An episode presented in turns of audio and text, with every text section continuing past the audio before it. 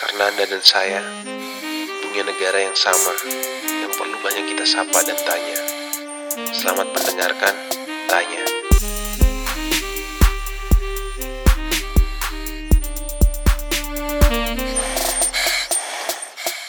Ya, hari ini gua masuk ke episode ke-8 dari podcast Tanya Wineside.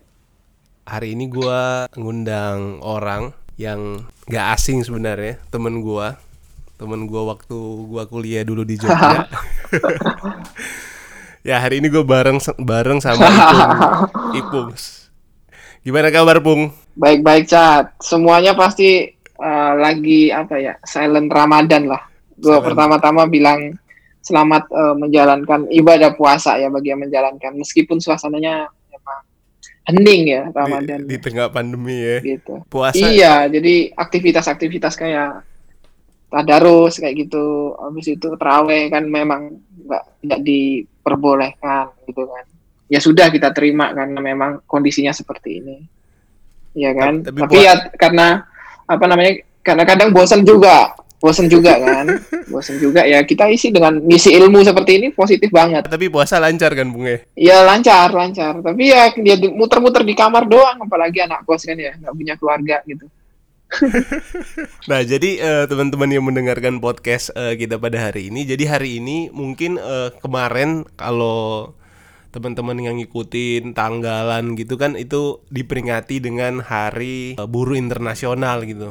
Tanggal 1 Mei Nah cuma mungkin agak sedikit berbeda gitu dengan tahun 2020 tahun-tahun sebelumnya gitu. Biasanya kan uh, hari buruh itu selalu diperingati dengan uh, buruh turun ke jalan gitu menyuarakan hak-hak uh, mereka dan lain sebagainya gitu.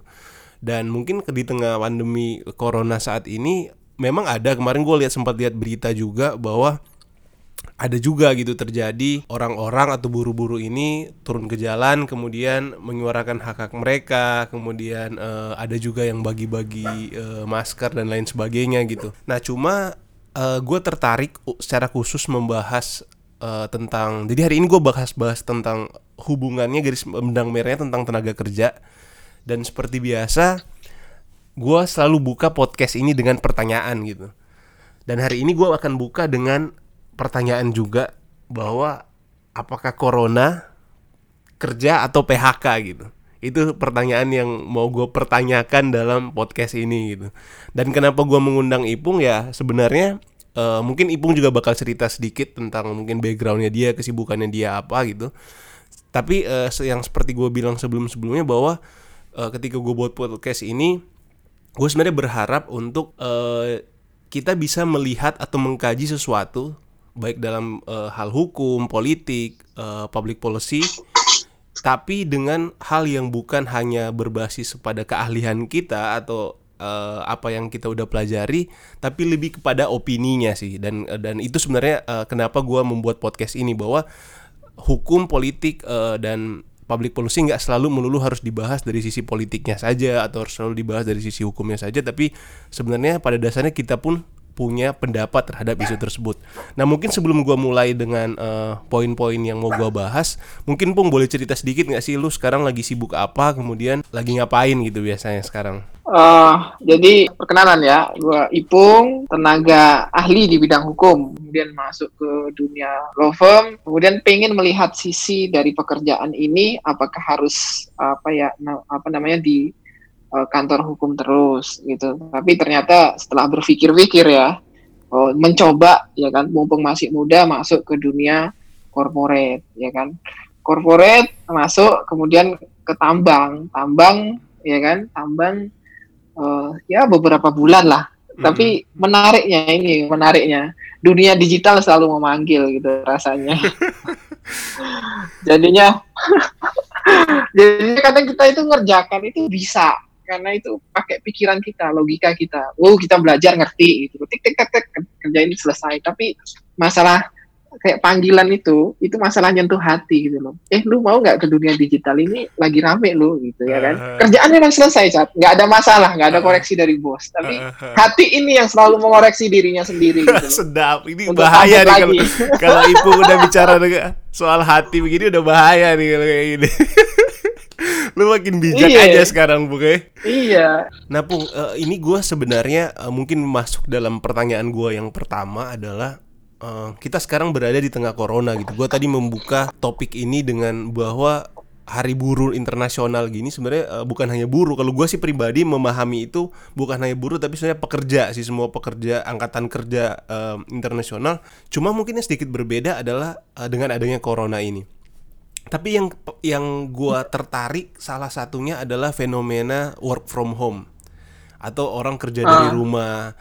Sedangkan di sisi lain yang kita ketahui bersama itu nggak semua orang gitu bisa melakukan pekerjaan dari rumah gitu. Bahkan gua berpikir bahwa sebenarnya work from ini adalah satu privilege gitu. Nggak semua orang bisa melakukan itu. Bahkan mungkin kalau beberapa em, pekerjaan atau beberapa profesi bisa melakukan itu. Tapi banyak banget gua tahu gua tahu banget di luar sana orang yang nggak bisa melakukan itu. Bukan karena mereka nggak mempedulikan eh, rekomendasi pemerintah untuk melakukan physical distancing dan lain sebagainya tapi ya memang mereka nggak ada pilihan lain gitu.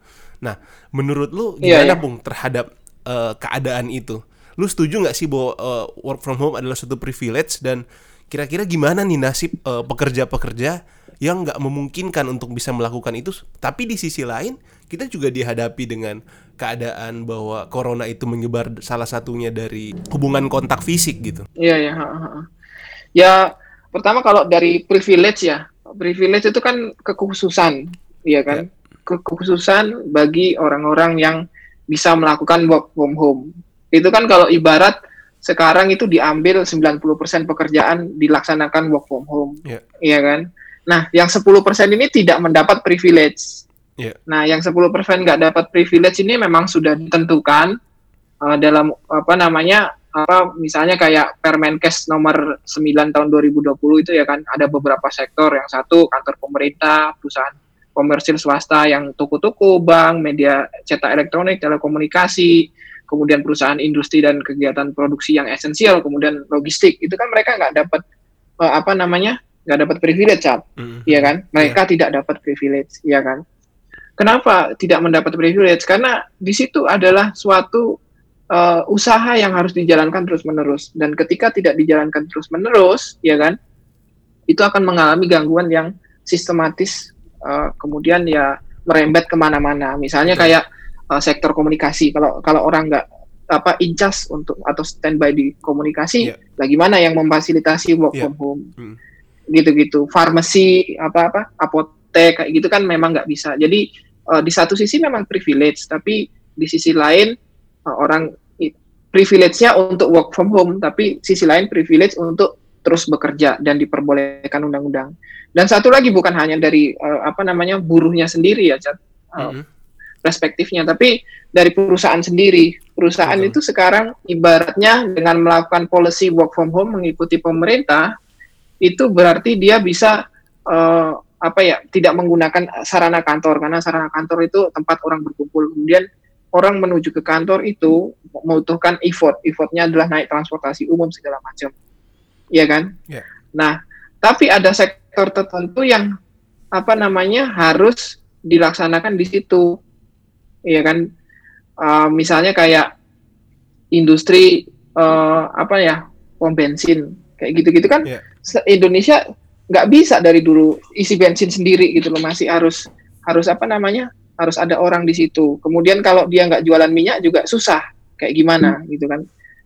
Jadi roda perusahaan itu digantungkan pada pekerjaan real atau physically ada di tempat kerja itu. Dan- tapi kalau misalnya di dunia uh, teknologi ya Cat ya di Mhm. teknologi itu kalau kita kan emang biasa ngirim cuma email habis itu kita bagi-bagi apa namanya kalau di tempatku itu ada kayak ada akses khusus yang biasa nggak dikerjain di kantor itu nanti ba- diberikan akses khusus. Jadi tergantung pada tipikal pekerjaannya dan bagaimana perusahaan itu survive. Kalau yang nggak bisa survive itu kayak pasar modal itu harus diawasin terus. Kalau nggak diawasin Iya. terus sama Hmm. uh, efek, ya maka nanti uh, terjadi gangguan di pasar modal. Udah jeblok, jeblok lagi gitu loh. Nah, menurut lu sendiri pun Gitu, eh, kan. dengan keadaan seperti itu kan berarti tadi eh, gue menarik poin dari lu adalah uh, benar bahwa itu adalah uh, salah satu privilege tapi nggak mungkin semua profesi bisa melakukan itu gitu.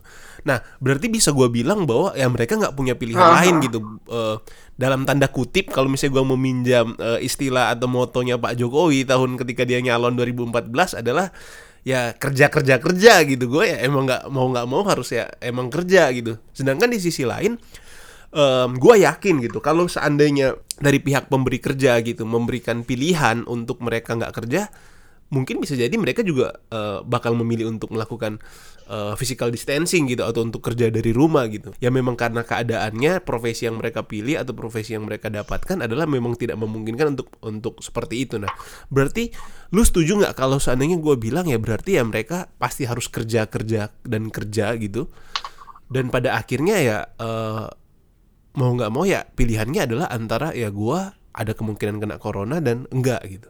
Lu gimana menyikapi itu? Berarti ya pilihan gue adalah gue kena terpapar sakit atau enggak gitu. Karena balik lagi ya memang karena penyebarannya seperti itu gitu. Sekalipun gue tahu orang yang dari rumah pun belum tentu juga nggak kena gitu. Iya iya sih Cat maksudnya kan ini dalam rangka bukan hmm, apa ya mencegah 100% corona tapi upaya mitigasi ya. Yeah. maksudnya di apa di dicegah seminimal mungkin habis itu nanti kan kalau jumlahnya berkurang mm -hmm. uh, kesehat apa namanya fasilitas kesehatan kita kayak dokter itu kan mampu menangani daripada terus mm -hmm. membludak gitu kan yeah. potensinya makin gede kemudian melampaui angka perawat atau dokter ketika terlalu banyak nah kalau misalnya misi Jokowi kerja kerja kerja ya memang kita semua kerja Betul. justru yang lebih tidak enak itu yang mendapat PHK Cat. kalau Betul. BFA atau WFO itu masih sebuah bentuk apa ya perubahan bentuk. Orang kerja di rumah atau hmm. kerja di kantor gitu kan. Tapi yang kerja di rumah itu kadang juga lebih banyak kerjaannya cat gitu. Yeah, yeah. banyak teman-teman di sosmed tuh duh makin banyak kerjaan gitu. Bukan malah lebih santai ya. namanya aplikasi. Iya kayak nggak ada jamnya makin apa nggak ada gitu batasan kan. deh apa hourless gitu. Nah gue sampai download aplikasi buat ngingetin gue oh ngerjain ini hari ini supaya takutnya guanya lupa karena terlalu banyak prioritas yang masuk mana gitu kan. Uh. Nah kalau memang apa namanya uh, tadi apa? Uh, sorry tadi apa? Sorry sorry. Uh, ber berarti pada akhirnya uh, ya memang ada angkatan kerja tertentu atau uh, cabang kerja tertentu yang memang hmm. nggak hmm. ada pilihan lain gitu, bahwa gue harus kerja kerja dan kerja dan ya pada akhirnya ya sorry to say ya gue pilihannya okay, okay. antara gue harus uh, terpapar corona which uh, dalam arti kemungkinan besar juga bisa berujung pada kematian ya atau ya kalau gua daya tahan mm-hmm. tubuh gua kuat ya gua tetap survive gitu hidup gitu. Jadi gini Jat itu kan suatu keadaan yang mereka mereka tidak bisa hindarkan. Tapi ya. untuk untuk apa namanya dari perusahaan sendiri bisa menerapkan protokol kesehatan. Misalnya oh, bangkunya di apa dijauhin. Jarak satu meter setengah lah paling aman. Kemudian perusahaan itu harus memberi misalnya multivitamin atau jatah buah-buahan kayak yeah. gitu gitu kan iya kan?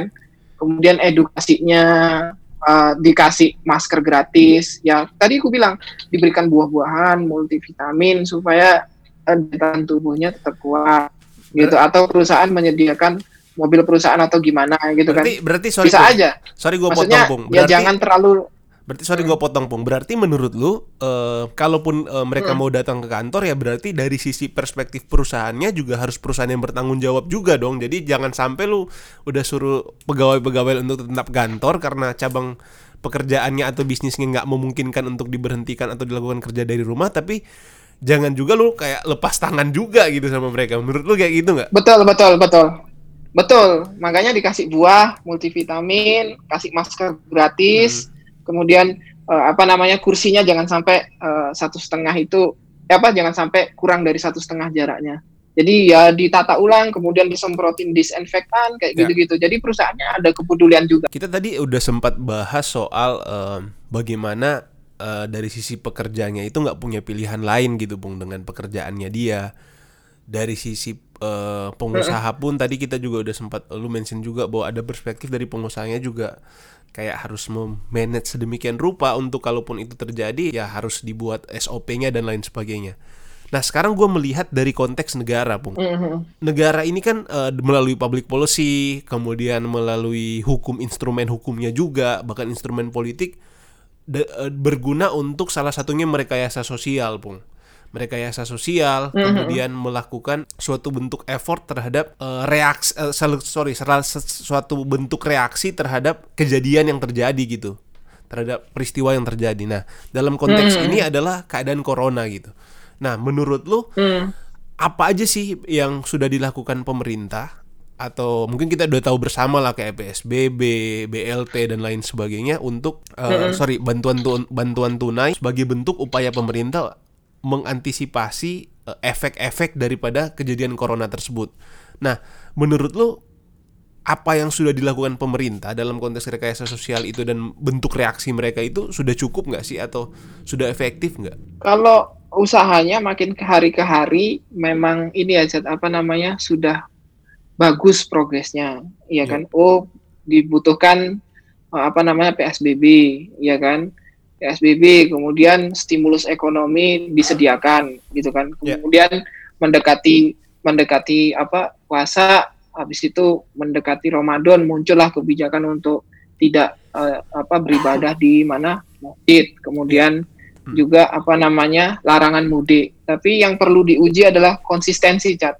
Karena Ya, hmm. peraturan muncul ini itu besok direvisi lagi, makin membingungkan. Jadi rakyatnya ini apa namanya eh, eh, kayak menjadi bahan uji coba gitu. Padahal ini kondisinya bukan dalam tahap uji coba. Ini sudah benar-benar menghadapi suatu permasalahan ya, gitu ya. bahaya, ha, permasalahan real gitu loh. Jadinya memang decisionnya harus tepat dan dijalankan ya Anda harus konsisten gitu. Karena ini bukan coba-coba lagi, besok dianulir gitu.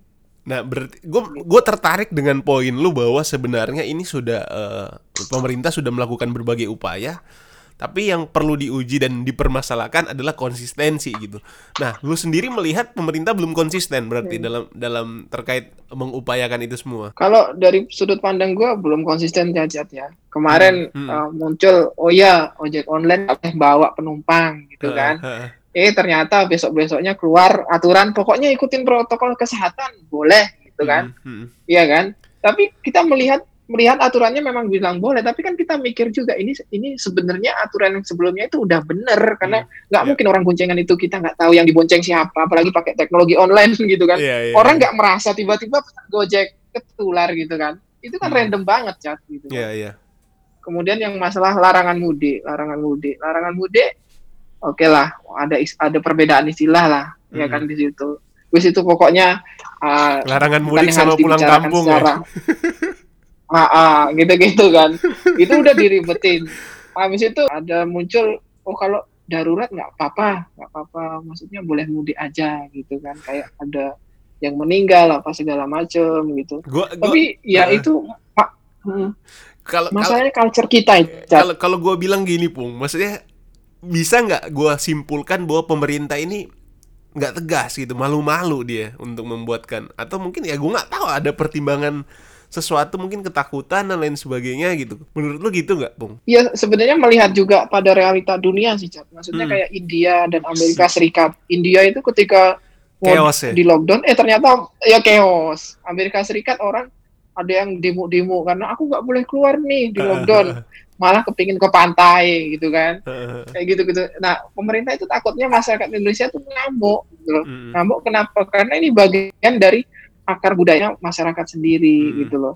Maksudnya apalagi disuruh ini mudik udah gitu udah kan. udah Emang culture nggak dibolehin kemudian mudik. Nah. ada sentuhan agamanya juga pung ya maksudnya sesuatu yang udah di luar betul. udah udah udah ruang yang sangat privasi banget gitu pung ya Iya, ha, ha, ha. Satu satu aspek agama, Cat. Kita kan kalau Idul Fitri itu dibilang betul eh, apa namanya? hmm, Fitri itu kan kembali ke nol. Kembali ke Benar. nol itu Hmm. menghapus dosa dengan orang-orang. Iya. Jadi orang-orang terdekat itu adalah orang yang dihargai. Makanya kita harus pulang minta maaf gitu. Kalau lewat video call atau telepon kurang afdol gitu Iya, kan. iya, iya, Kumpul. iya. Yang kedua adalah masalah psikologis, Cat. Psikologisnya Hmm. adalah ketika orang itu merantau itu cuma rute muter-muter. Misalnya lu orang mana lu sorry? Orang mana Manado. lu? Lu orang mana? Manado ya? iya Manado, lu sejauh-jauhnya jalan sampai ke Jerman, Amerika, lu pasti akan teringat sama kampung lu. Balik ke rootnya Dan gitu kangen ya. pasti. Iya, itu akan muter kayak gitu. Oh, udah udah dapat kangen-kangen masa kecil dibesarkan di sini. Habis itu kembali kerja lagi gitu Iya, kan. iya. Tapi kangen-kangennya itu masih ada dan itu dari sisi psikologis lu Nah, gitu. yang yang gue tertarik pun dalam hubungannya dengan pekerjaan atau dalam hubungannya kita bahas tentang buruh atau tenaga kerja gitu adalah soal arah kebijakan itu sendiri gitu. Kemarin gue sempat eh, deng- eh, baca-baca bahwa contoh misalnya tadi lu sempat mention kebijakan eh, ojek online gitu.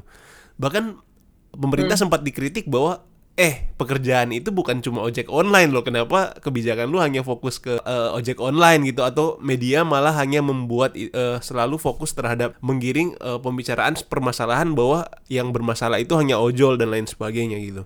Nah, di sisi lain banyak juga yang berpikir bahwa pemerintah ini eh, melalui melalui eh, salah satunya melalui kritik yang tadi bahwa pemerintah itu hanya memperhatikan pekerjaan-pekerjaan atau industri-industri yang dimiliki oleh pengusaha-pengusaha ini gitu. Sedangkan untuk UMKM dan lain sebagainya malah nggak terlalu diperhatikan atau mungkin dari angkatan pekerjanya sendiri bukan yang pemilik bisnis juga nggak terlalu diperhatikan gitu. Bahkan mereka juga berharap ada polusi ekonomi tertentu gitu. Kemarin gue baru baca ada eh, insentif pajak contohnya untuk eh, terhadap masyarakat eh, dengan berpenghasilan tertentu untuk menerima hal tersebut. Nah lu setuju nggak kalau seandainya ada pendapat yang bilang bahwa oh kebijakan pemerintah ini masih lebih banyak condong ke sisi eh, pengusaha aja dan masyarakat kelas tertentu aja gitu nggak menyentuh langsung ke bawah lu setuju nggak dengan pendapat seperti itu bu Kalau kalau untuk mengeluarkan pendapat itu pasti perlu kita perlu melihat pada ini ya Chat ya apa namanya eh, realitanya Mm. ya kan.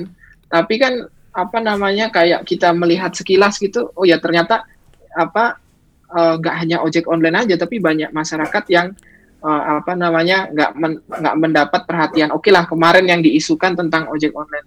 Tapi misalnya kayak pariwisata Chat di Iya. Bali, kalau hotel, eh, restoran itu tidak ada orangnya. Kemudian itu merembet ke sektor UMKM, misalnya orang jual kerajinan tangan, Cat. Itu Iya. yang jual kerajinan tangan dari Banyuwangi, Mm. dari kota-kota Jember kayak gitu ya atau Jepara itu biasanya sampai ke barang ke Bali itu juga pasti terpengaruh ya kan nah eh, pemerintah harusnya memang harus bisa melihat seperti itu secara keseluruhan ini efek dominonya ke mana ya kan? Karena memang kita bercita-cita untuk eh, semua masyarakat ini apa nggak ada yang nggak selamat. Jangan sampai mati bukan karena corona tapi karena nggak ada pekerjaan dan nggak bisa makan. Itu kan lebih parah gitu kan. Dan itu tamparan keras buat tamparan kedua buat pemerintah. Satu corona nggak bisa nanganin. Kemudian untuk Ekonomi BLT juga. BLT tidak Hmm. bisa menyalurkan sampai ke level bawah gitu kan ya kita berharap memang sampai bawah juga eh, diperhatikan tapi untuk sisi perusahaan sendiri Cat, apa sisi perusahaan juga harus diperhatikan maksudnya kemarin keluar kebijakan tentang pajak itu yang di Windset ada di IG-nya ya yang Hmm. itu tentang eh, P- PPH ya Iya benar. kan? Hmm. PPH-nya itu eh, ditanggung pemerintah DTP statusnya. Kemudian UMKM itu industri UMKM juga 0,5 persen eh, DTB final 0,5 persen DTB itu bagian dari pengurangan beban perusahaan yang biasanya bayar pajak Hmm. eh, perus apa apa dari pekerjanya. Kemudian ada lagi yang BPJS ketenaga kerjaan itu didiskon 90 persen. Ya. Ya 90 itu ditanggung pemerintah kayak gitu. Jadi pemerintah itu berusaha untuk oh ya dari perusahaan kemudian tenaga kerja harus dibantu nih semua supaya eh, apa ya uang yang seharusnya dibayar-bayarkan untuk pajak, untuk apa namanya Hmm. untuk BPJS dan segala macam itu eh, bisa di save oleh perusahaan misalnya untuk gaji karyawan dan karyawannya itu eh, yang biasanya bayar apa namanya BPJS atau yang kena misalnya PHK ada kartu Iya. prakerja itu tetap mempertahankan purchasing powernya karena ekonomi itu berputar kalau nggak salah ya aku bukan ahli ekonomi Iya, iya. 70% apa 60% gitu. Itu tergantung sama public spending ya. Jadi Ya. pu- public spending itu tergantung pada uang yang kita punya gitu. Kalau uang kita punya itu untuk apa untuk bayar pajak, untuk bayar asuransi itu maka menurunkan purchasing power itu sendiri gitu loh. Goalnya nanti ekonomi juga rodanya nggak berjalan gitu loh. Oke. Gitu. Nah, yang gue tertarik juga tadi uh, yang lu bilang bahwa um, sebenarnya itu saling berkaitan gitu satu sama lain. Jadi kalaupun nanti pemerintah seolah-olah terlihat bahwa dia hanya membantu industri tertentu atau membantu misalnya pengusahanya saja atau perusahaannya saja sebenarnya kita nggak boleh melihat itu dari sisi itu aja tapi harus melihat itu dari sisi makro seperti itu ya Pung ya yang kalau gua tangkap gitu dari dari yeah. poin yang lu bilang karena hmm. di sisi lain uh, mungkin ada juga term dalam uh, public policy kebijakan publik bahwa ya dalam membuat kebijakan lu nggak mungkin bisa menyenangkan semua pihak gitu dan dalam membuat kebijakan betul, betul. kadang lu melakukan untuk mencapai target A sebenarnya lu nggak langsung literally langsung uh, melakukan kebijakan yang kepada target A ini tapi lu harus sebenarnya melakukan kebijakan kepada C D E yang pada akhirnya berefek mm -hmm. kepada si A tersebut kurang lebih seperti itu pong ya mm -hmm. betul betul betul betul makanya kan kemarin itu kan gini cat uh, orang-orang yang kena PHK atau unpaid leave itu kan dikasih yeah. portal untuk prakerja itu itu kan DLT yeah. bagian dari PLT jadi inisiatifnya dari uh, dari rakyatnya sendiri nah misalnya hmm. kayak sekarang itu udah gelombang 4 yang gelombang tiga kemarin baru selesai uh, yeah. 30 April atau gimana ya lupa gue nah dari situ sebenarnya anggarannya cuma 10 triliun kemudian ditingkatkan 20 triliun itu kan melihat pada intensitas orang yang apply itu loh untuk kartu yeah. prakerja yang dapat uang eh, satu juta pelatihan, kemudian per bulan 600 ribu selama empat bulan, uang survei uh, sekitar 150 ya tiga kali. Nah itu jadi um, pemerintah itu enggak oh, mencari mana sih orang-orang yang mm -hmm. uh, kekurangan apa namanya kekurangan duit gitu loh untuk yeah. survive di uh, tapi rakyatnya juga diajak untuk apa mengajukan diri. Nah mengajukan dirinya itu dengan prakerja ini secara online gitu loh. Ya, jadi gua, inisiatifnya muncul di situ lah. gue menarik sih. nah di situ. Mungkin eh, yang perlu mungkin gue gua mungkin agak simpulkan sedikit di sini adalah kadang ya kita juga harus mengapresiasi juga gitu. Jangan cepat-cepat meng apa uh, menjudge kebijakan pemerintah bukan berarti hanya sekedar menerima tapi mungkin kalau gue sih berpikir ada positifnya juga bahwa kadang apa yang terlihat itu gak sebenarnya yang terjadi gitu. Dalam artian ketika dia membantu industri tertentu dia sudah punya kajian khusus bahwa itu sebenarnya akan uh, turun sampai ke bawahnya. Sedangkan ketika dia hanya langsung ke bawah tidak melalui atas mungkin bisa jadi sisi-sisi tertentu yang tidak kena gitu mungkin untuk untuk bantuan dan lain sebagainya. Mungkin ya mungkin orang ekonomi mungkin lebih paham uh, ininya.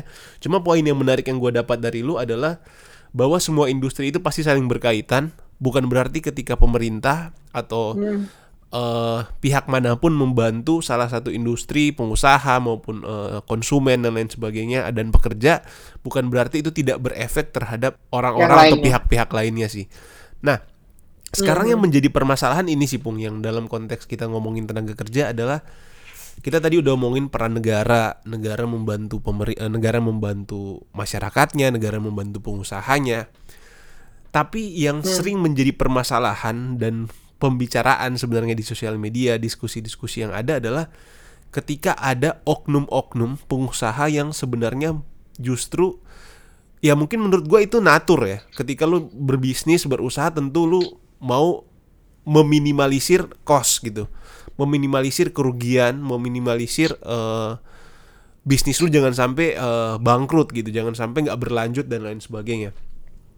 Cuma yang yang sering terjadi adalah banyak pemutusan hubungan kerja nih karena corona ini.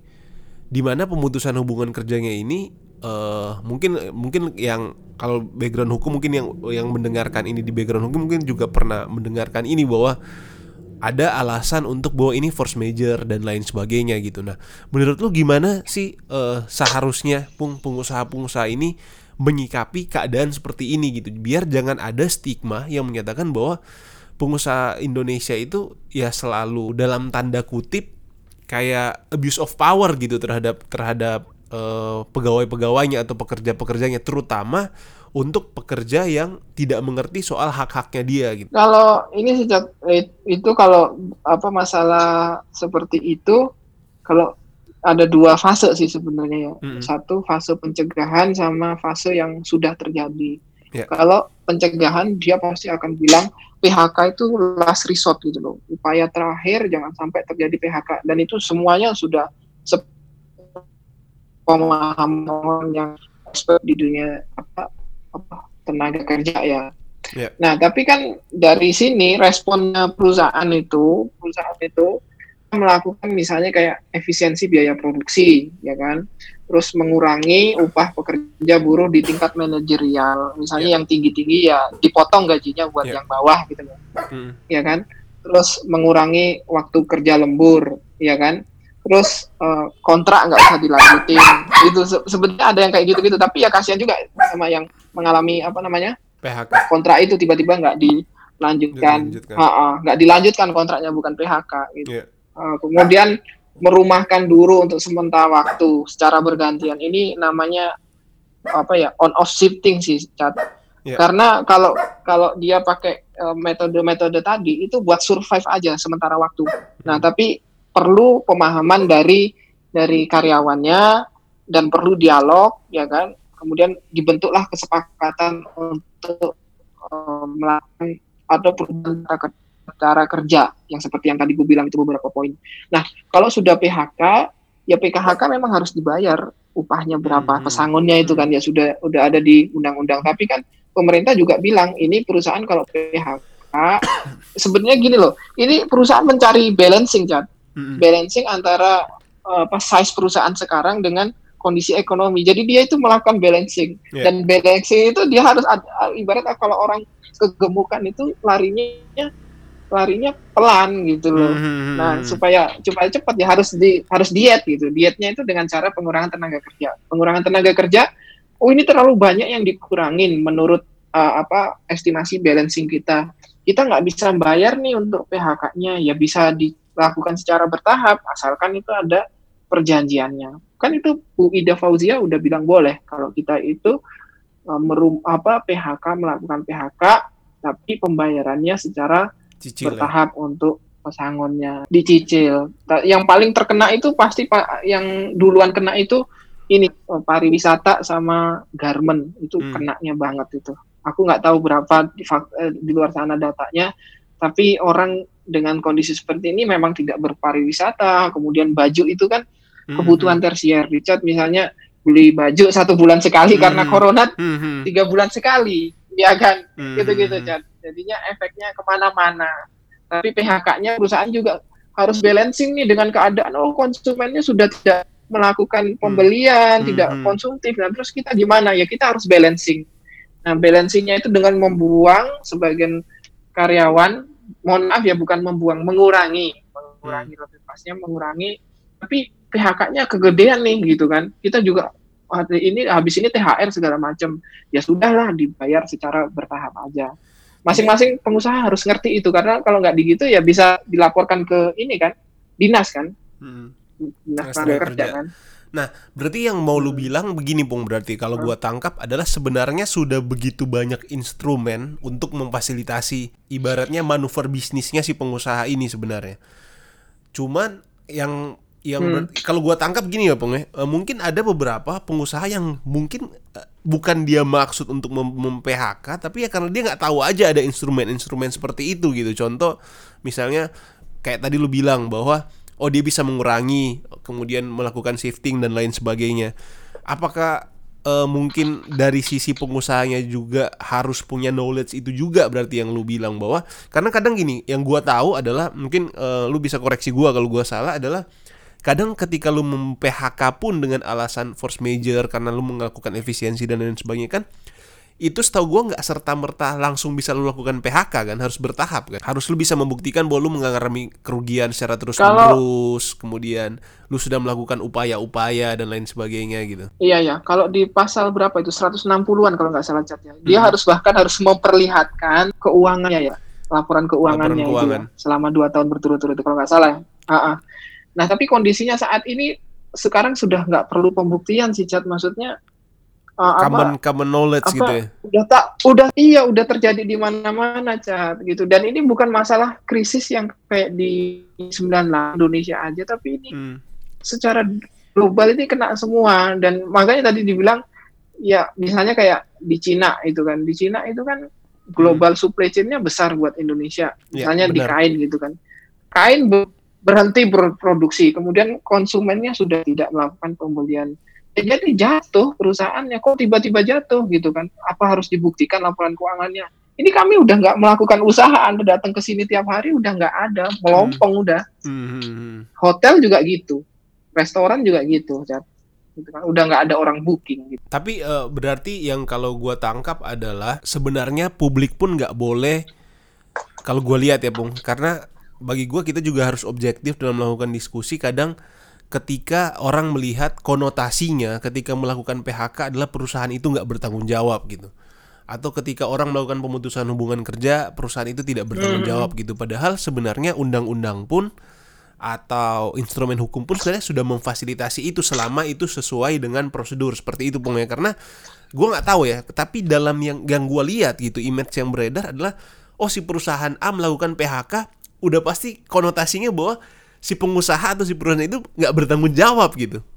Iya gak sih? Menurut menurut lu gimana Bung? Ada nggak sih pemikiran seperti itu yang terlihat? Padahal dia sudah melakukan sesuai prosedur gitu yang kayak lu Ya. bilang tadi ya. Gue udah nggak melakukan usaha gitu. Gue mau ngapain? Dan gue pasti bakal bayar juga kok. Mhm. maksud lu oh, apa namanya dilihat itu kayak pengusahanya itu eh jahat gitu ya melakukan PHK gitu? Benar benar benar stigma benar. kita pertama Benar. gitu. Gitu nggak iya benar dan dan dan stigma Ya, yang ada bahwa dibilang iya, dari dan stigma yang ada bahwa pengusaha itu ah selalu punya seribu satu cara gitu untuk selalu meng, meng- menginikan. Tapi ya pasti ya kita pilih-pilih juga. Ada juga pengusaha yang memang dalam tanda kutip nakal juga gitu. Dia nggak menjalankan sesuai prosedur gitu. Tapi yang mungkin gua semakin kerucutkan lagi pembicaraan kita adalah eh, stigma pengusaha yang ada gitu. Sti- stigma yang beredar bahwa ketika perusahaan melakukan eh, PHK itu udah pasti perusahaan itu perusahaan yang buruk gitu perusahaan yang yang yang yang tidak bertanggung jawab Iya, sebenarnya kalau dibilang nggak bagus, emang nggak bagus sih, Cat. Karena Nah. lu mendapatkan pesangon itu, misalnya buat buat apa? Misalnya dapat dua kali gaji. Iya. Sedangkan corona ini sampai Juni. Sekarang udah bulan dari Benar, bulan benar April, benar. Mei, Juni. Tiga bulan. Apa cukup uang itu? cukup gitu ya. kan? Apa cukup uang itu?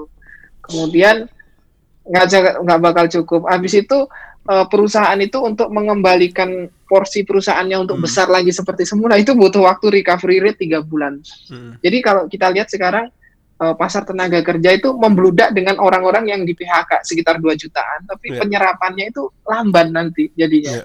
Nah, sedangkan gaji yang didapat dari pesangon sebelumnya itu udah udah, habis kurang. duluan ya. Emang efeknya itu buruk banget, Chan. Iya, makanya kan pemerintah ngasih stimulus 600 ribu, ya kan? Ibarat yang bisa kita nikmati kan benar benar 600 ribu. benar, Apa itu cukup gitu Chan? benar Jadi memang sama-sama susah, tapi ketika mengimply untuk apa untuk impus ya, impus untuk eh, kebijakan memang harus hati-hati sih Cat, dan membaca situasi itu nggak sehari ini dua bulan tiga bulan tapi sampai akhir tahun gimana gitu caranya dan kalau emang ada perusahaan yang nggak nggak apa namanya nggak membayar uang PHK-nya itu ya udah mem PHK aja yang kayak biasanya kayak karyawan itu udah kayak saudara sendiri kadang eh, apa udah udah terlalu lama tiba-tiba di PHK itu kan Hmm. hati nurani itu kadang benar, tergoyang juga. Tapi kalau kita kasih pesangon habis itu nanti dia nyari kerja di mana itu juga hati nurani kita juga akan bertanya-tanya. Habis itu PHK tanpa pesangon lagi. Wah itu parah banget sih saat menurut gua. Gitu. Hmm. Dan perusahaannya ya semoga aja dilaporkan dilaporkan nanti bisa ketemu titik tengahnya gitu. Kalau emang dia nggak mampu ya gimana sih? Ya. mau nyari uang apa? Perusahaan ditutup. Bahkan gua Gitu menarik dari dari dari yang lu poin yang gua dapat dari lu tadi adalah bahkan ketika lu sudah melakukan sesuai prosedur yang sesuai jumlah pesangon yang lu kasih udah sesuai sebenarnya dalam tanda kutip itu pun belum cukup bung ya. Maksudnya itu pun belum memberikan solusi. Dan dan gua menarik hitung-hitungan yang lu buat tadi itu logis banget sih bung. Bahwa ya ya lu bahkan kasih dia punya masa kerja misalnya em, gaji pesangonnya tiga bulan empat bulan gitu. Sedangkan corona punya efek sampai berapa bulan ke depan dan dia juga belum tentu bisa dapat kerja apalagi kalau dia punya tanggungan dan sebagainya itu pun belum menolong apalagi orang yang nggak memberikan pesangon ya bung ya Iya, itu gua nggak nggak bisa gua kayak gitu, Jat. Gua juga Hmm. ditanyain sama perusahaan gua gimana nanti PHK.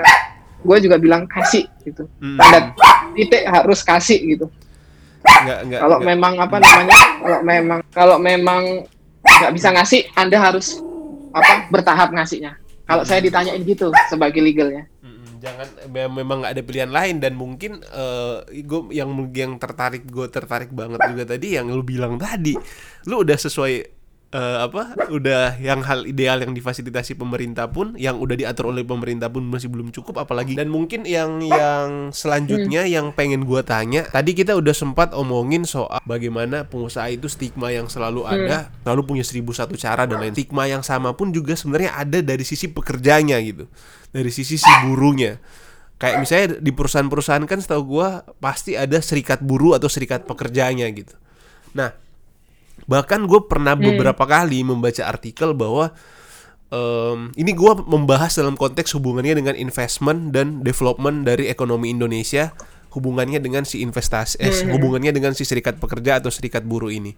Bahwa itu menjadi salah satu alasan em, pertimbangan orang ketika melakukan investasi. Karena eh, bagaimana kekuatan serikat pekerja ini ketika mereka bersatu dan kekuatan mereka untuk eh, mempush em, apa ya berbagai macam proposal gitu terhadap perusahaannya. Nah menurut lu gimana sih em, serikat pekerja atau serikat kerja di Indonesia itu saat ini ataupun mungkin gue bisa bilang eh ini hal yang baik sebenarnya karena untuk melindungi hak hak mereka tapi ketika itu berlebihan justru kontraproduktif lu setuju nggak dengan pendapat gua itu Ya kalau dilihat dari keberhasilannya buruh beberapa berap- beberapa tahun ini ya Cat ya. Misalnya kayak eh, kita kemarin tentang apa namanya eh, apa namanya eh, upah upah itu kemarin kan sempat di demo-demo demo-demo Jakarta bisa naik signifikan kemarin-kemarin waktu zaman Pak Ahok itu ya. UMR Masih ingat kan tuh?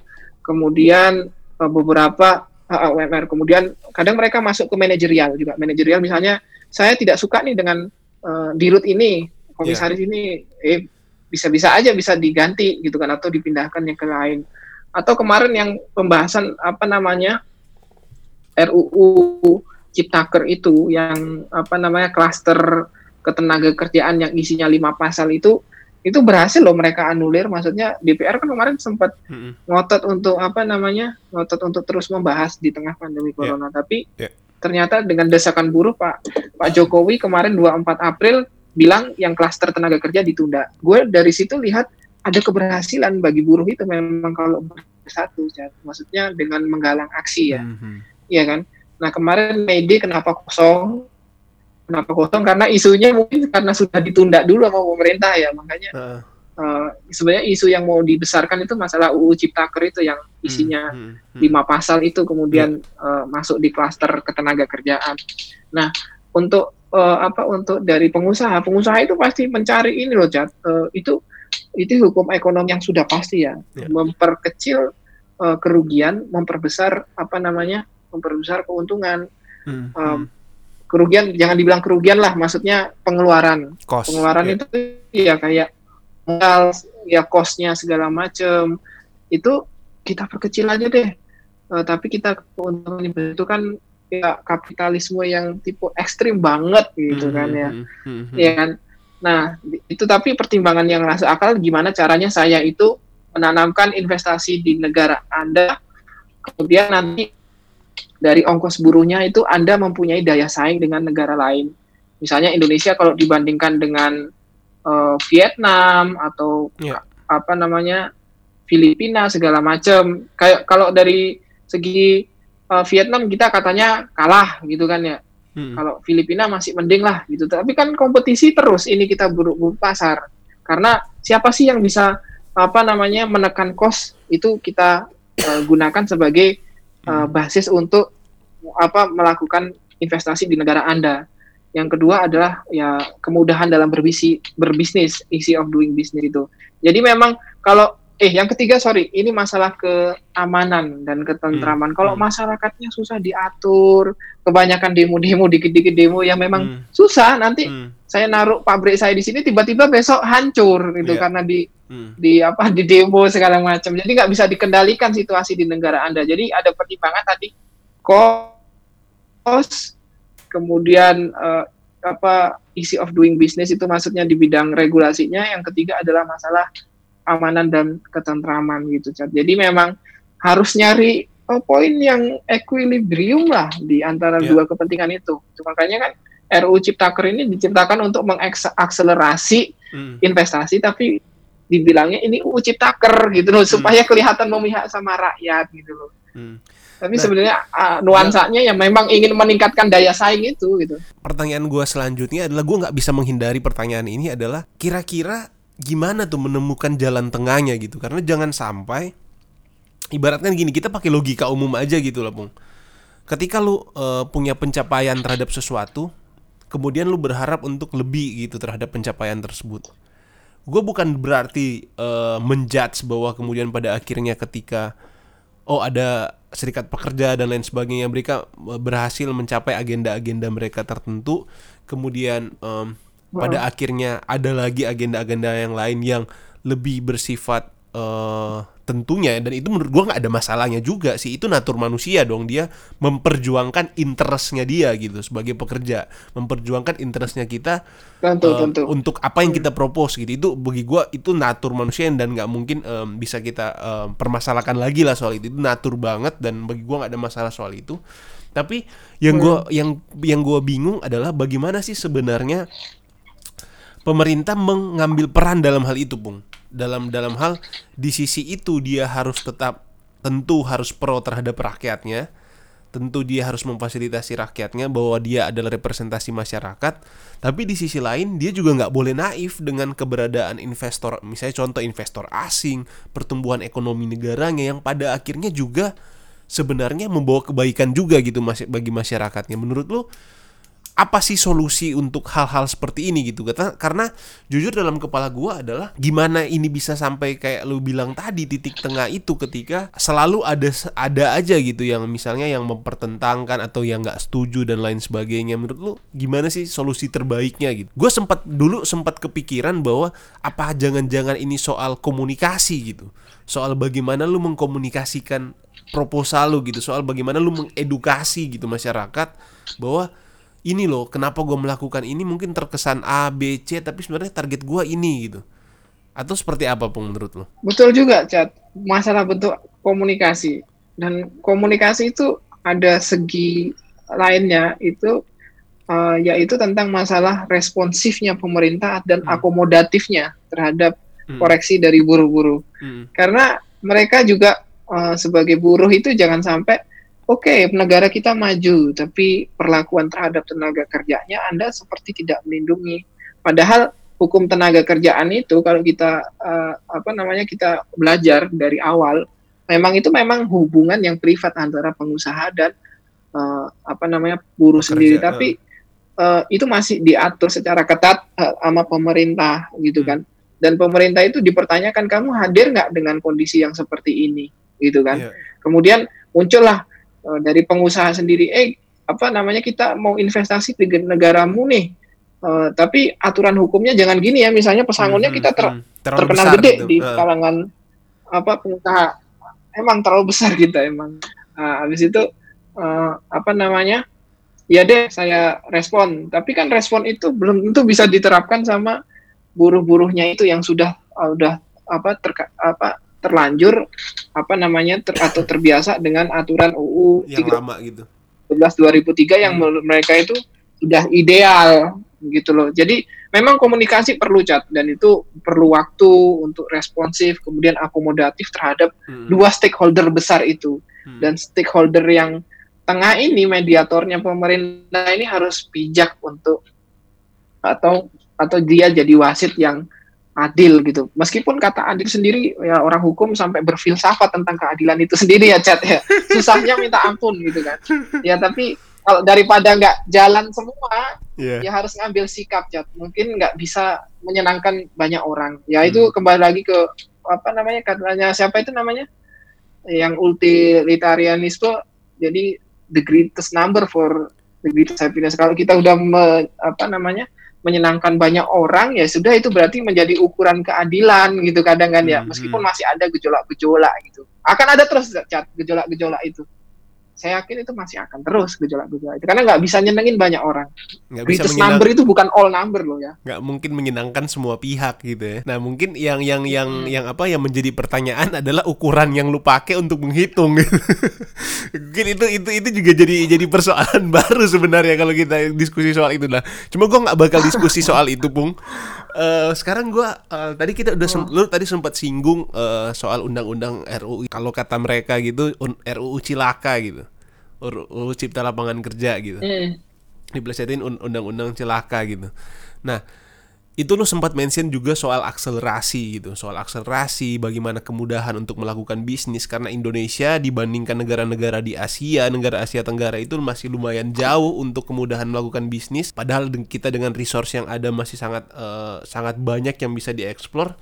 Tapi di sisi lain adalah lagi-lagi yang gue bilang hubungan yang dengan tadi yang gue bilang adalah ada pemikiran bahwa ketika ada eh, sesuatu hal yang baru gitu yang mau lu create gitu yang mau lu propose pasti ada saja pandangan bahwa ini nggak sesuai sama yang gue mau. Tadi tadi lu sempat mention bahwa gue udah nyaman dengan undang-undang 2003 gitu. Dan sebenarnya pola yang sama juga terjadi dengan berbagai RUU RUU yang lain, Pung. Contoh salah satunya adalah RUU KPK kemarin yang sempat yang sempat eh, ribut panjang tuh dan lain sebagainya yang bilang bahwa banyak hal Hmm. yang pelemahan eh, padahal undang-undang itu udah belasan tahun kalau kalau nggak salah ya. Udah udah ya udah udah bertahun-tahun udah lama. Dan undang-undang yang sama juga terjadi nih undang-undang tenaga kerja gitu dari tahun 2003 berarti udah kurang lebih umurnya 17 tahun pung. Kalau- Zaman Megawati ya. Iya, kurang lebih umurnya 17 tahun. Berarti kalau ada anak lahir 2003 sekarang dia udah lulus SMA, Pung. Nah, berarti ya udah mau masuk kuliah dan undang-undang yang sama masih kita pakai sampai hari ini. Nah, tapi bukan berarti gua bilang undang-undang itu nggak baik, nggak, bukan itu. Nah, pertanyaan gua adalah kira-kira gimana sih sebenarnya kita menyikapi em, stigma atau pemikiran mindset yang sudah terlanjur ada ini gitu. Gue nggak tahu apakah ini ada aktor-aktor intelektual yang mengkondisikan ini atau enggak. Tapi pertanyaan gue adalah lu sendiri nih, lu secara pribadi pung, ketika ada eh, proposal baru dalam hari ini legislasi gitu RUU, lu adalah tipe orang yang melihat ini seperti apa sih pung? Apakah lu orang yang udah lebih dulu berpikir bahwa ini pasti ada upaya-upaya negatif, ada upaya-upaya yang pro Eh, katanya kan kayak omnibus law ini terutama yang RUU Cipta Lapangan Kerja ini lebih memuluskan jalan-jalan investor, lebih memuluskan jalan-jalan pengusaha besar gitu. Lu gimana pun menyikapi itu atau berpendapat terhadap isu itu? Hmm, Kalau dilihat memang tujuannya itu emang gini sih, Cat. Hmm. Kalau ada ada pandangan UU ti- 13 tahun 2003 itu lebih ke labor heavy, maksudnya uh, lebih Berpihak. berat ke Hmm. tenaga kerjanya. Hmm. Sedangkan uh, uh, sed- uh, sedangkan uh, apa namanya kita itu kalau tidak melakukan RUU ini akan ada lapangan kerja akan pindah ke negara lain yang lebih kompetitif misalnya kemudian kedua daya saing pencari kerja relatif rendah dibanding negara lain yang tidak atau belum bekerja akan semakin tinggi kemudian Indonesia akan terjebak dalam middle income apa income trap itu Hmm, hmm. itu kan prediksi-prediksi pemerintah untuk Ya. jangka panjang iya kan tapi dari sisi apa namanya dari sisi eh, buruh sendiri keberatan sih ya memang undang-undang yang bagus itu nggak tentu yang apa harus baru mulu ya Chan, ya tapi Betul. dia pasti mendapat challenge dari zaman dan globalisasi Benar. ekonomi kayak undang-undang UU pertanahan itu Ya. UU nomor 5 tahun 60 atau UU perkawinan 174 itu ya Udah tua memang banget. eksis sampai dari zaman Orla sama sama Orde Baru tapi no problem karena memang eh, apa namanya tidak di challenge oleh zaman dan dia tetap bertahan. Meskipun UU agraria sampai saat ini masih dicil terus ya sama, sama zaman ya Cat ya. Iya kan? RUU tapi ya itu untuk masalah tenaga kerja ini masalah uh, masalah ekonomi sih Cat maksudnya kalau kita emang nggak bisa kompetitif dengan negara lain ya kita gimana dong? Uh, tenaga kerja akan kepindah ke tenaga uh, ke negara lain. Misalnya kayak Singapura itu kan Hmm, hmm, kemudahan bisnisnya nomor dua. Malaysia 12 Vietnam 70 hmm. Uh, kita masih kita masih bisa menang ah, dari Filipina 95, Kamboja 144, kemudian Myanmar 165, Timor 181. Tapi kalau kita dikalahin bisa-bisa kita kalah sama negara yang baru lahir kayak Timor Leste itu. Hmm, hmm, hmm. Itu saya aku masih berpikir untuk ya sudahlah, ayo direvisi tapi dicari titik tengahnya daripada kita makin ketinggalan jauh cat gitu aja. Mhm. Kalau lu lebih tipe Gitu. adalah eh, Karena apa- negara kita masih butuh investor asing. dan dan dan kalau lu gue lihat berarti lu lebih eh, lu punya keyakinan bahwa em, ya kita terima dalam artian lu harus logis juga gitu ya. Jadi jangan ibaratkan kalau mungkin kita zaman dulu kuliah Logis. em, gua kita mungkin pernah gue pribadi mungkin pernah juga melakukan beberapa penelitian gitu tulisan tentang kajian eh, undang-undang dan lain sebagainya gue nggak tahu lu setuju atau enggak atau yang mendengarkan podcast ini setuju atau enggak kadang kita sering terjebak dalam romantisme undang-undang itu sih dalam romantisme apa ya eh, terhadap eh, hukum itu sendiri. Padahal kalau kita berkaca dari negara-negara lain negara hukum yang sudah jauh lebih tua dari kita jangankan undang-undang pun undang-undang dasar konstitusinya pun itu sendiri itu udah beberapa kali diubah gitu. Udah banyak banget diubah. Dan kadang gue nggak tahu ya apakah ada faktor sejarah juga atau kemudian ada eh, propaganda dan lain sebagainya. Gue nggak bakal menyentuh ke ke hal itu tapi mungkin ini juga stigma yang perlu diperbaiki juga ya terutama untuk eh, orang yang melaksanakan politisi hukum politik hukumnya ya eh, baik yang di legislasi di DPR maupun eksekutifnya. Menurut lu ini salah Ya. satu masalah utama juga nggak sih Pung dalam konteks eh, misalnya dalam hal ini undang-undang ketenaga kerjaan gitu yang harus kita benahi gitu. Dan dan lagi-lagi persoalannya adalah soal trust gitu. Apakah orang percaya nggak terhadap eh, politisinya di Senayan apakah orang percaya nggak terhadap presidennya orang percaya nggak terhadap menterinya gitu menurut lu seperti itu nggak Pung Betul, Tat. Karena itu juga public trust ya. Maksudnya eh, public trust itu jangan cuma waktu pemilu aja kita itu kayak merayu mereka untuk mendapatkan suara, tapi ketika kita duduk di DPR pun kita harus jadi eh, masyarakat eh apa wakil masyarakat yang adil. Nah, pengusaha tapi ingat juga pengusaha itu juga bagian dari masyarakat, Cat, Iya, gitu iya. kan. Iya kan. Jadi eh, untuk pasti akan ada eh, apa namanya hmm, apa ya proses atau apa ya pergulatan gitu dalam membentuk undang-undang itu gitu kan.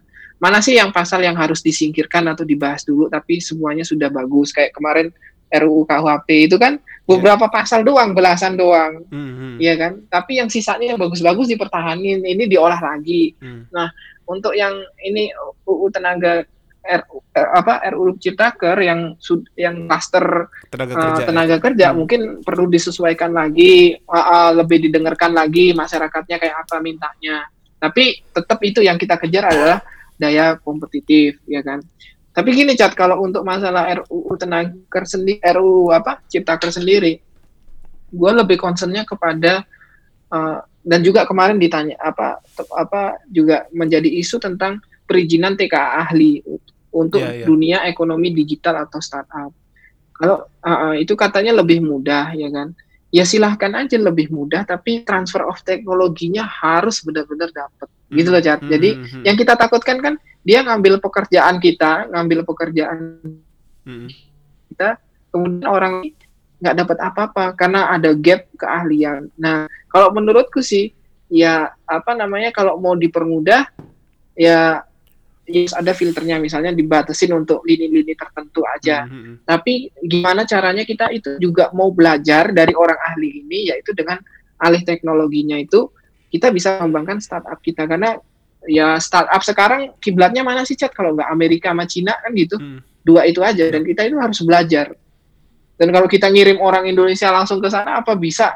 Bisa bisa langsung kuat gitu di Silicon Valley atau di mana kalau di India itu mana itu daerah mana itu lupa gua di Hmm. India kan ada kemudian di Hmm. Cina juga uh, apa teknologinya di apa bisa orang Indonesia itu langsung kan enggak kan mereka harus datang ke sini datang ke sini kemudian Hmm. ya nanti kita belajar dari dia uh, transfer of no, apa knowledge-nya harus dapat juga jadi menurut Jadi lu kita- hmm, hmm. kita ya go Mm-mm.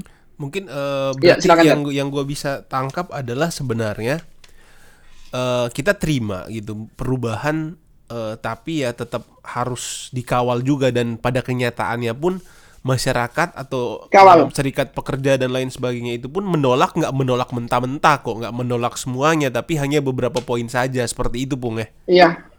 Jadi Mhm. em, Iya karena betul betul. gue melihat juga gue sempat baca-baca juga bahwa salah satu yang eh, memang contoh yang paling eh, beberapa poin mereka kurang lebih ada 9 kalau gue nggak salah adalah terutama contoh kayak upah standar minimum ditiadakan gitu-gitu ya itu memang lumayan parah sih kalau sampai ditiadakan takutnya ada eh, apa ya kayak orang semena-mena gitu untuk untuk untuk menentukan upah minimum dan lain sebagainya sih. Mungkin gua nggak bakal bahas lagi soal konteks atau konten daripada si RUU ini atau omnibus law ini yang punya beberapa catatan. Tadi kita juga udah sempat mention soal bagaimana stigma, kemudian bagaimana mindset kita seharusnya masyarakat maupun pemerintah menyikapi adanya perubahan instrumen hukum dan lain sebagainya.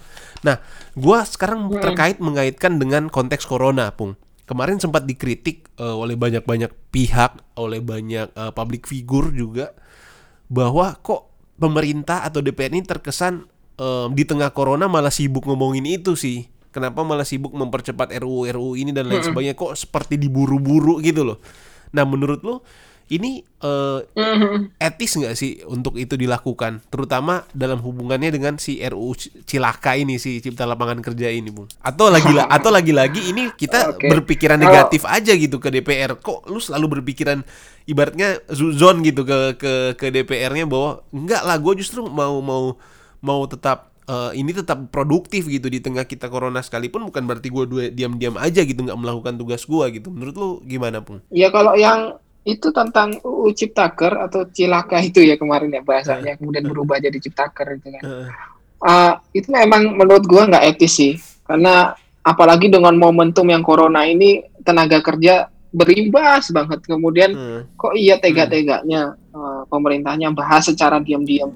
Kemudian nanti kalau kita menyuarakan gimana caranya meskipun ada ada ada mekanisme misalnya menyuarakan online apa itu menjamin eh, kepuasan tiap orang kan kan kita kadang butuh ketemu langsung kayak gitu-gitu kan Mhm. uh, mobilisasi massa kalau misalnya buruhnya itu tidak puas kayak gitu-gitu Mhm. kan. Uh, kalau secara online sih ah bisa bisa apa bisa aja nggak dihiraukan gitu paling cuma Mhm. didengerin aja gitu kan. Iya kan? Kan nggak enak kalau misalnya Hmm. nggak turun ke jalan gitu kan.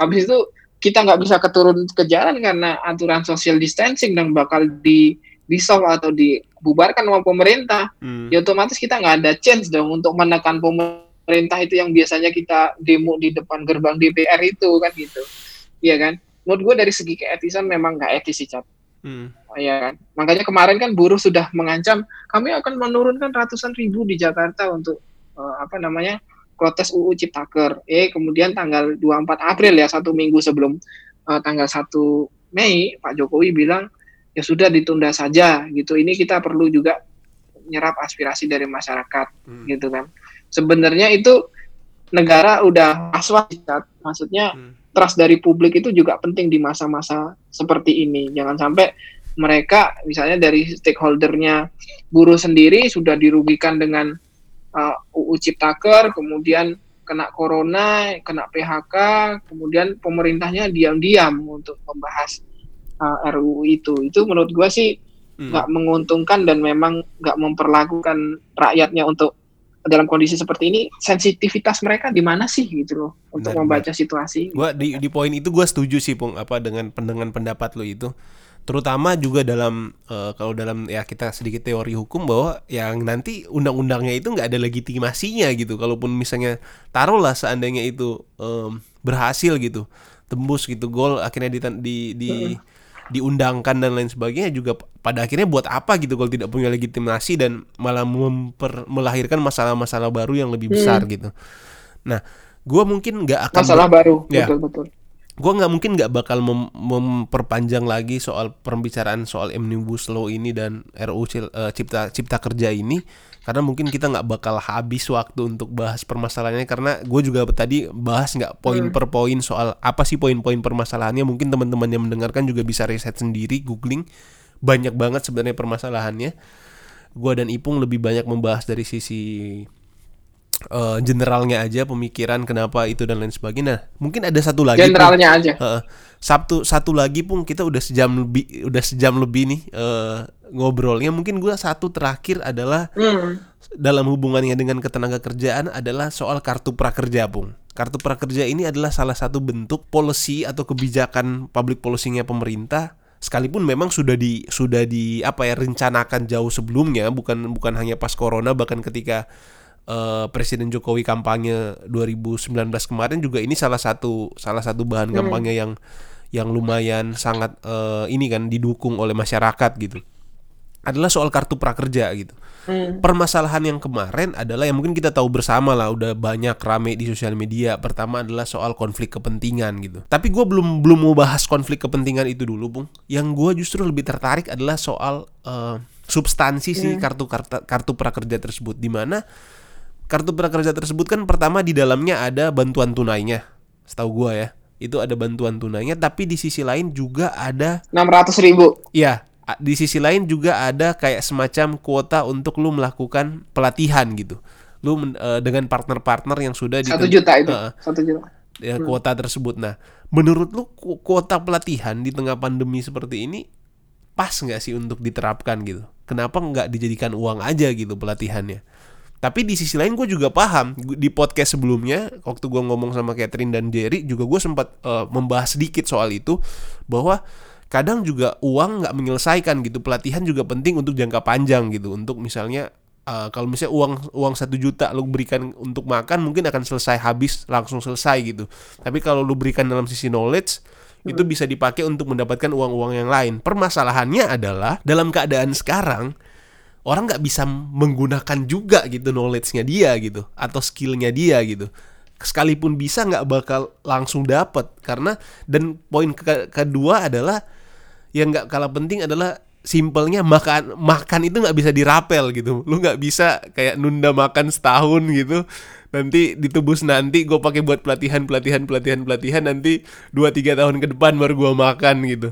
Kan nggak kayak gitu gitu. Lu tiap hari lu harus harus ada kebutuhan pokok gitu. Nah menurut lu efektif nggak sih kartu prakerja dengan dengan pembagian seperti itu ada pelatihannya ada bantuan tunainya kenapa nggak bantuan tunai aja semua kenapa nggak pelatihan aja semua gitu Sebenarnya kalau gua lihat sih Cat ya, ini bukan kalau pembagiannya udah pas sih Cat. Iya kan, ada untuk sisi konsumtif kita untuk survive, kemudian Hmm, di hmm. sisi itu kan kita nggak ngapa-ngapain tuh, kita yo belajar gitu, Iya, belajar iya, secara online Hmm. gitu kan. Ya maksudnya kita masih mengasah keterampilan kita gitu kan.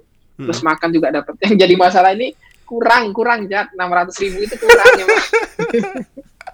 Berarti lu lebih permasalahkan jumlahnya kalau gitu bu cukup- Iya, kalau jumlahnya gede nggak masalah sih, Chat. Ini porsinya udah bagus kok pembagiannya. Ada segi eh, konsumtifnya, orang untuk survive, kemudian ada orang untuk knowledge ya. produktifnya itu maksudnya memper knowledge-nya, mem- Hmm. memperasah ini keahliannya. Tapi masanya 600 ribu, Chat, kurang kayaknya. Nah, Sedangkan rata-rata itu kita Nah, maksud gua gini nih, Bu. Kurangnya Dengan itu. keadaan keadaan iya ya itu itu udah pasti lah, udah pasti banget itu kurang kalau di Hong Kong kalau gua nggak salah seorang dapat berapa ribu dolar gitu ya. Eh, yang umurnya di bawah eh, 17 Oh. tahun atau berapa gitu, Pak gua. Pokoknya dengan jumlah yang sangat besar gitu.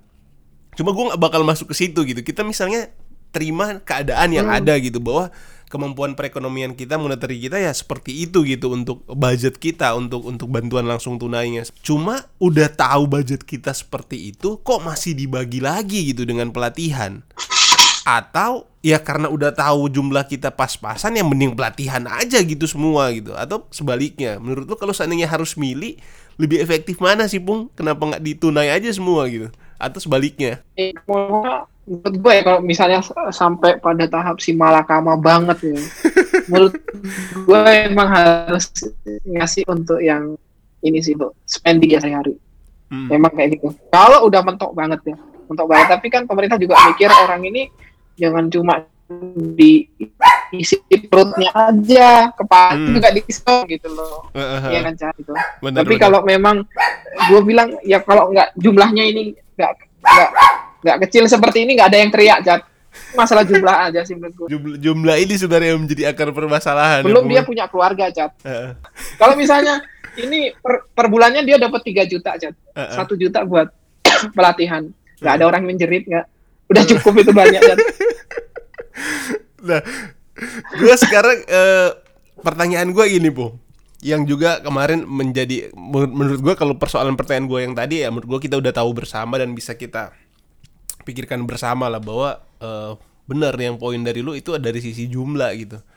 Yang juga nggak kalah penting adalah soal tadi gue sempat mention di awal soal konflik kepentingan gitu. Bahkan bahkan ya setahu gue adalah kemarin Hmm. itu mereka sempat ada yang niat banget eh, buat hitungan pung. Jadi kan kalau misalnya di aplikasi gitu ada biaya administrasi gitu-gitu kan pung.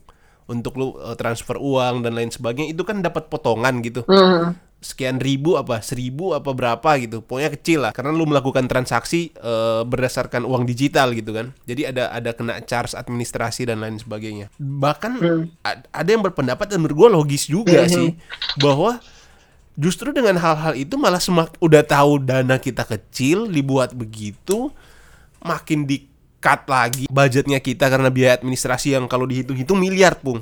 Kemarin gue lihat hitungannya itu eh, berapa miliar gitu yang di mana terkena potongan administrasi dan lagi-lagi hubungannya dengan konflik kepentingan gitu. Soal platform-platform yang ditunjuk pemerintah gue nggak tahu apakah itu dilelang atau udah sesuai ketentuan dan lain sebagainya. Gimana menurut lu pung menyikapi itu dalam hubungannya dengan kartu prakerja? Apakah ini Kalau ini kartu ini prakerja sih cat ya. ini, Kalau ini ini ini ini nggak sih pung kayak apa eh bijak gak sih? Kalau gue lihat konflik kepentingan eh, karena dari dari posisinya sendiri memang ini ya si siapa Belva ya.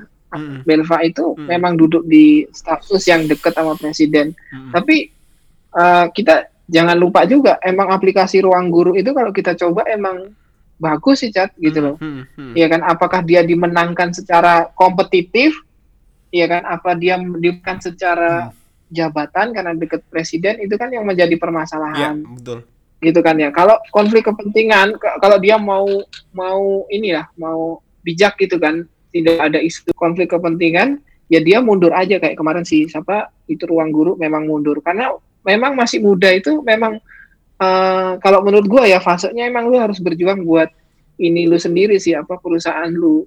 Kalau sudah selesai benar-benar selesai Hmm. eh, misalnya udah masa tua dia udah bukan direkturnya duduk di pemerintahan is oke lah ini masalahnya anak-anak muda ya Cat. masih bisnisnya masih baru naluri dia itu untuk mencari apa income perusahaan itu masih tinggi loh Cat. apalagi dengan duduk di pemerintahan jadi apa namanya asumsi orang yang bicara seperti itu itu memang secara otomatis akan melihatnya oh ini ada konflik kepentingan karena Benar. di sisi lain perusahaannya juga lagi growing dan dia itu berusaha untuk memperbesar perusahaannya perusahaannya kan masih hitungan berapa tahun kan itu kan Kalau- ya ibarat masih muda lah startup kalau kalau pasti dia mencari pundi yang besar gitu loh Kalau gue sih berpikir, lu tadi juga sempat mention di awal. Kalau gue sih nggak terlalu mempermasalahkan soal dari sisi ya kalau memang dia memang salah satu platform yang paling eh, oke gitu dibanding eh, di kelasnya gitu, yang pilihan lain dan dia juga pede dengan itu, ya menurut gue nggak ada masalah gitu ya. Atau juga nggak ada pilihan opsi lain yang lebih baik gitu dari itu bagi gue ya.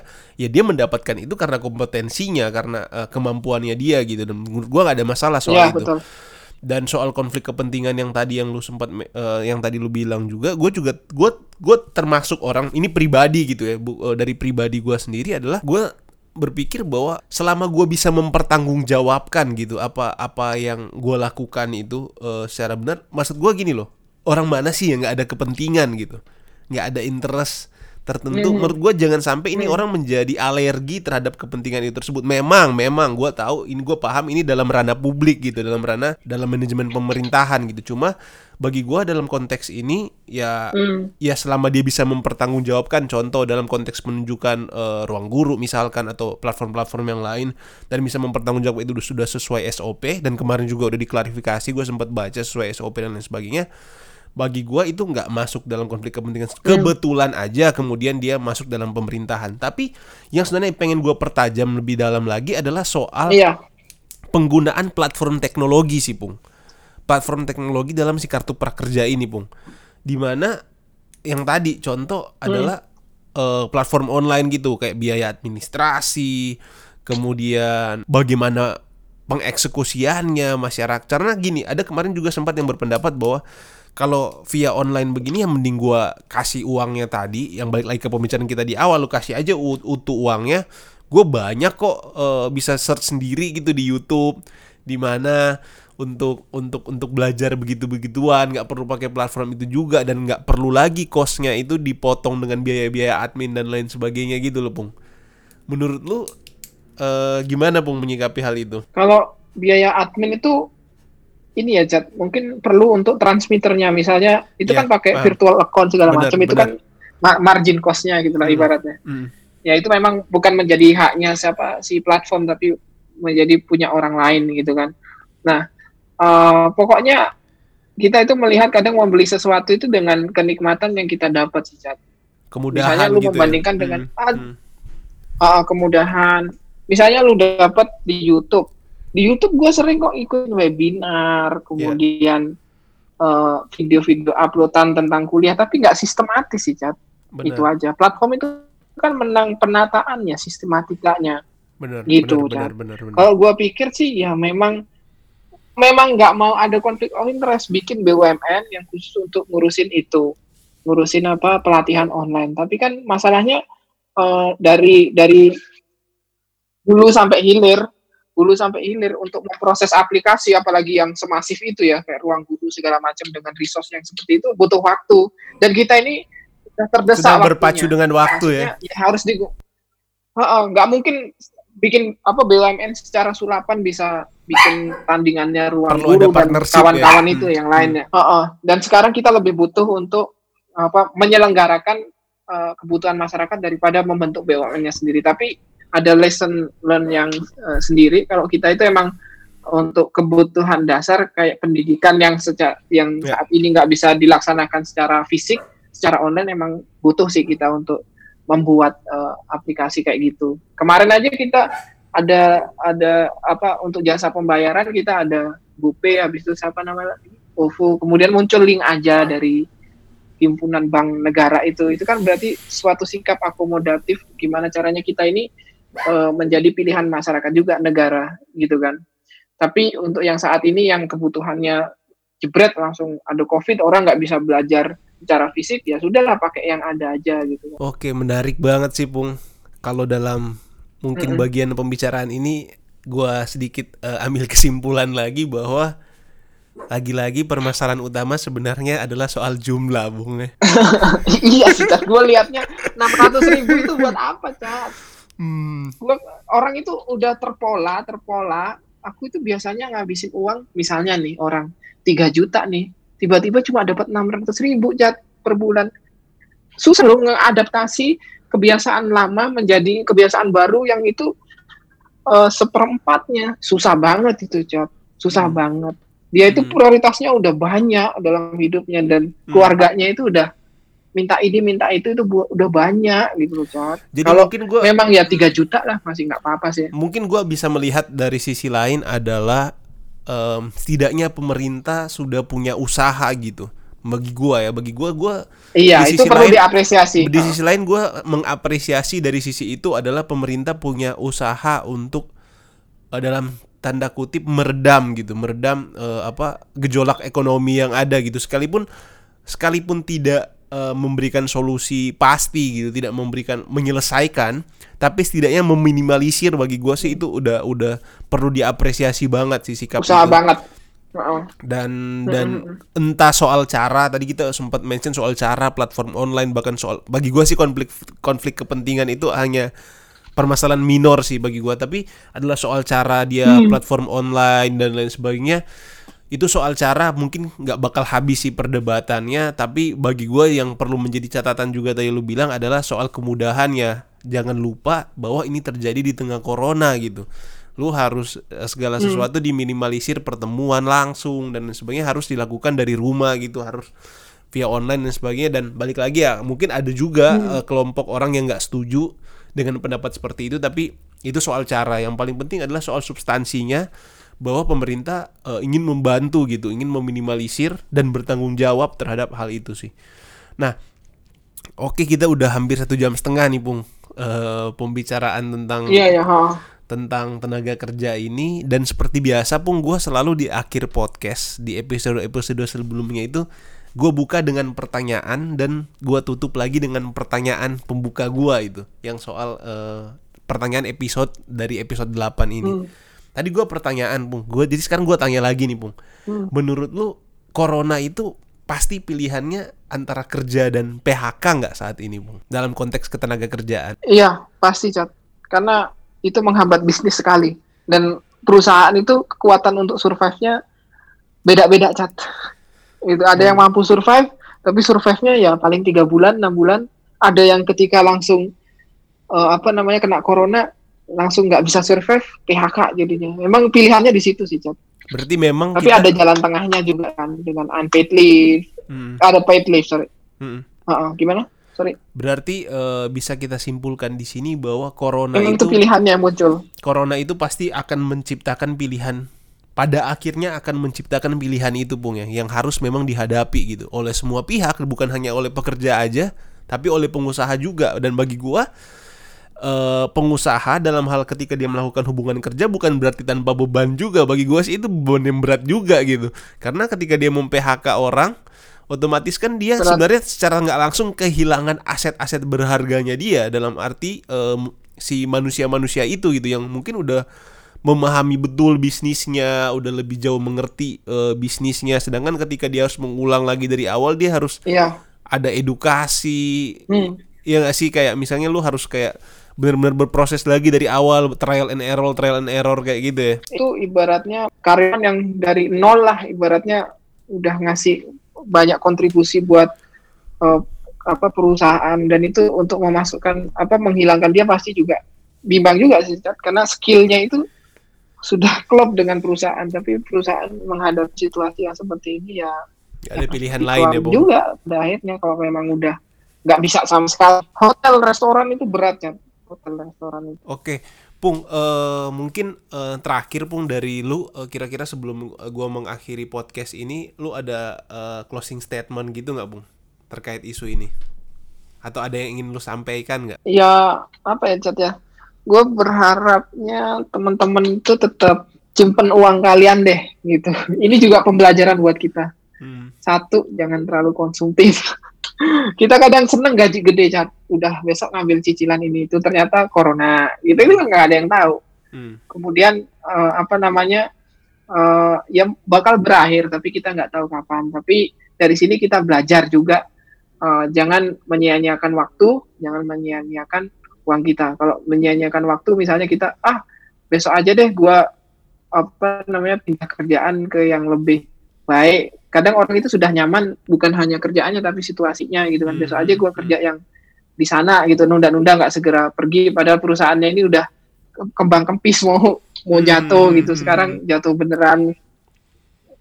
Sedangkan eh, opportunity nggak datang satu kali. Ya kita itu berpikirnya eh, lebih manajerial lah di tengah situasi ini. Dan sabar karena kenapa sabar nanti kita kena penyakit stres itu aja. Pung, thank you banget Pung untuk apa eh, diskusi yang sangat menarik ini. Hmm. Pendapat-pendapat lu bagi gue, gue juga di sisi ini juga banyak belajar juga gitu, banyak dapat eh, pengetahuan baru juga. Kita bisa diskusi Hmm. bareng gitu, mempertanyakan eh, banyak-banyak pertanyaan sebenarnya yang perlu kita pertanyakan gitu tentang hukum, kebijakan publik. Kita juga tadi sempat mention soal ekonomi. Nah, em, semoga eh, teman-teman yang mendengarkan podcast ini juga kiranya boleh mendapatkan sesuatu juga dari podcast ini. Dan kalau teman-teman menemukan bahwa Hmm. pembicaraan ini bermanfaat gitu, bisa mendapatkan sesuatu, mungkin bisa bantu di-share, bisa bantu direkomendasikan gitu ke teman-teman kalian. Semoga ya Hmm. kita eh, dari gua ya semoga kita tetap terus sih mempertanyakan atau terus eh, bukan berarti kita curiga atau bukan berarti kita berpikiran mm, negatif tapi lebih kepada kita untuk tetap menjaga pemikiran kritis untuk tetap eh, kita selalu eh, mengawal dalam tanda Kritis. kutip eh, mengawal dalam tanda kutip kebijakan-kebijakan pemerintah atau eh, politik dan kebijakan publik di Indonesia. Paling itu sih eh, dari gua dan Ipung. Terima kasih sudah mendengarkan. Dan kalau teman-teman mau mendengarkan podcast ini bisa didengerin di di Spotify, Apple Podcast, di Anchor juga bisa. Dan kalau teman-teman mau follow Instagram kita ada di @wineset.id. Kemudian untuk Ipung, lu ada Instagram nggak, Pung? ada ada Apa apa eh, username-nya? ada ah, susah namanya pasti orang akan dengerin ah apa sih nama ini panjang sia- hurufnya sia- aneh gitu Siacul ya, Siacul. Siacul Adha ya.